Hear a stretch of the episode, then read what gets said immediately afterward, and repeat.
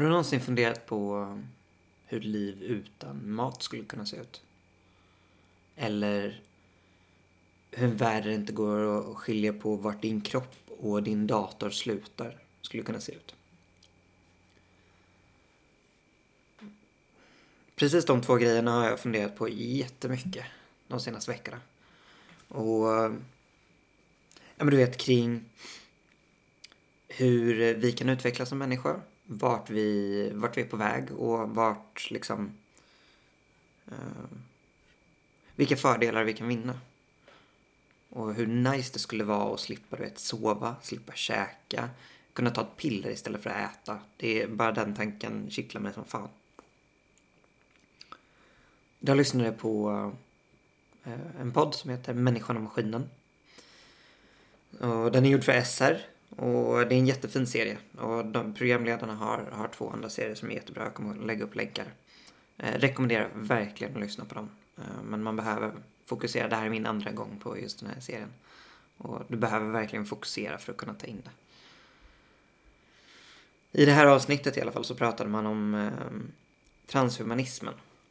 Som uppstod, jag fick läsa på lite om det. Det uppstod på, ordet uppstod på 60-talet när det var en föreläsare som föreläste om posthumanism.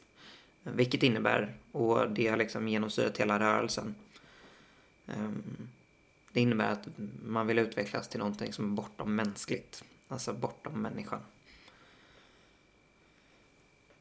Och då handlar det framförallt om att liksom modifiera människan så att, så att vi blir en bättre version av oss, oss själva till den grad att vi inte längre kanske kan kallas människor. Um, eller det vi en gång kallade människor. Och det just nu handlar det om allt ifrån eh, piller för, för att kunna fokusera till chip i handen till bygga in robotarmar. Alltså det är väldigt många spår. Så det går inte att säga riktigt vart rörelsen har, har sitt fokus. Men, men jag tycker det är en väldigt intressant rörelse i alla fall. Och det, jag tror det är någonting vi behöver hålla koll på ifall vi vill hänga med i framtiden. Och en grej som de tog upp i, den här, i det här poddavsnittet var... Hela avsnittet börjar med en, med en liten rant om att vi inte behöver vara på väg någonstans. Folk frågar ofta, människor frågar ofta, vart är vi på väg? Vart är samhället på väg? Vart är jag i väg? Jag menar, hur många gånger har vi inte fått frågan om vad ska du bli när du blir stor? Det är också någon form av version av den frågan. Och där programledaren menar på att Mänskligheten behöver inte vara på väg någonstans. För att vi har aldrig vetat vart vi är på väg när vi är på väg dit. Så att vi visste inte att vi var på väg mot en digitaliseringsålder när vi var på väg mot den här digitaliseringsåldern.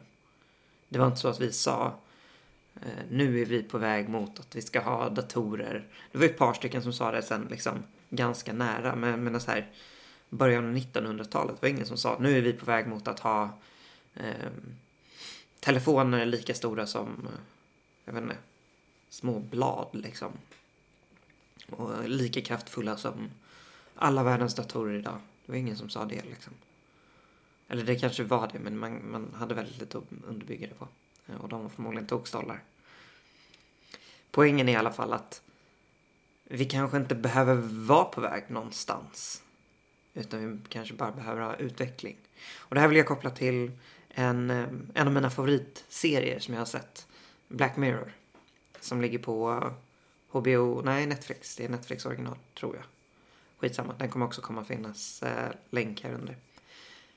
Där man målar upp just en, en, en, en någon form av dystopisk bild utav posthumanismen.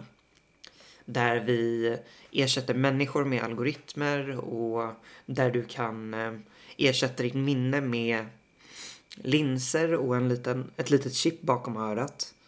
Ehm, och hur det skulle kunna påverka oss. Ofta en negativ, alltså det, det är någon form av skräckbild. Vilket är jättebra för vi behöver vara skeptiska mot det här. Ehm, jag tror att vi behöver tänka kritiskt när vi funderar på hur vi implementerar de här olika stegen i, inför varje steg som vi tar.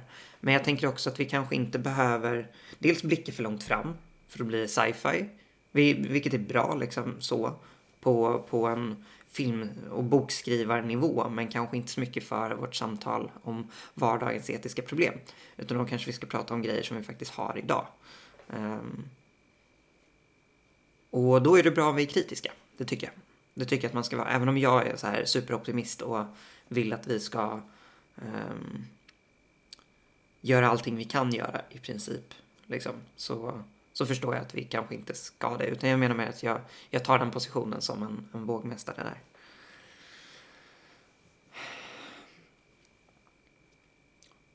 Så det, det jag vill liksom knyta ihop det här med är just frågan vart är vi på väg?